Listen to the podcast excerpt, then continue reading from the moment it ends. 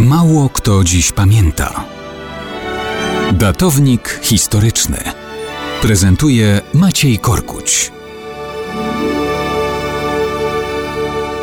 W Polsce 19 stycznia to przypomnienie momentu rozwiązania Armii Krajowej w 1945 roku, ewentualnie całkowitego sfałszowania wyborów przez komunistów w 1947 roku. W Czechach 19 stycznia to rocznica objęcia w 1942 roku funkcji premiera w protektoracie Czech i Moraw przez Jarosława Krejciego. To nam przypomina również o zasadniczych różnicach między Polską a Czechami pod okupacją niemiecką. W Polsce całość administracji, zarówno na ziemiach włączonych do Rzeszy wprost, jak też na obszarze tzw. Tak generalnego gubernatorstwa, była w rękach niemieckich. W generalnym gubernatorstwie rządził Hans Frank, Niemiec i jego ludzie. Z Czechami było inaczej.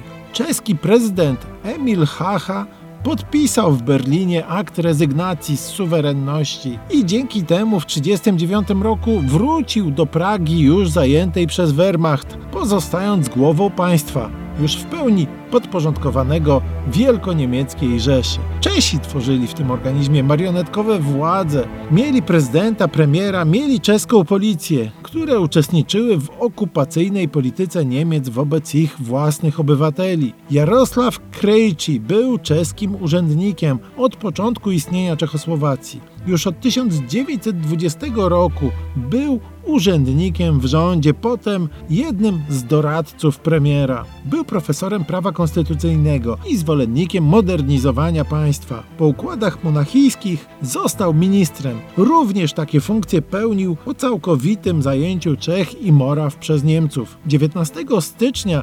1942 roku został premierem rządu w protektoracie. W gruncie rzeczy, kiedy Hacha był chory, to on był głównym przedstawicielem czeskich władz administracyjnych. Wspierał działania ukierunkowane na represje i aresztowania, współdziałał w eksterminacji Żydów, był wiernym wykonawcą rozkazów Hitlera i jego urzędników. 19 stycznia 1942 roku został powołany na stanowisko premiera, a 19 stycznia 1945 roku został odsunięty ze stanowiska. Potem po likwidacji okupacji niemieckiej resztę życia spędził w więzieniu. W tym czasie Czesi budowali już swój model stalinizmu. Polska i Czechosłowacja, dwa kraje sąsiednie w tym samym regionie kontynentu, a historia i doświadczenie jednak zupełnie inne.